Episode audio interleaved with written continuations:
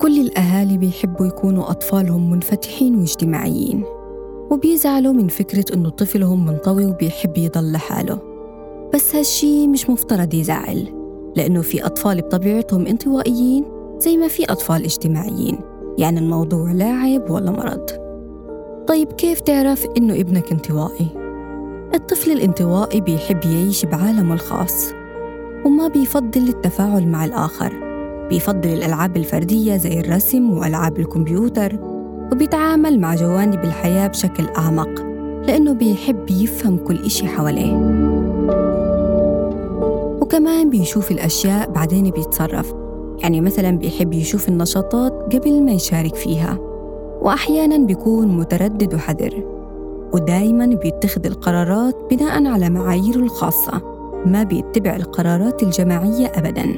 وأهم صفة إنه بيحكي قليل وبيسمع كتير. الآن بتسأل حالك كيف ممكن أعدل سلوك ابني الانطوائي وأساعده على التفاعل. أول حاجة ما تجبر طفلك على المشاركة في الأنشطة لأنه إجباره ممكن يعطي نتائج عكسية. فلا تحاول دفعه لمخالفة طبيعته الشخصية يعني بالعربي ما تجبروش على ممارسة الرياضات الجماعية.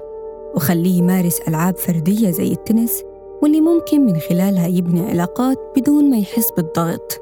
وكمان حاول تطلعه من مساحة أمانه بشكل تدريجي وبطريقة غير مباشرة.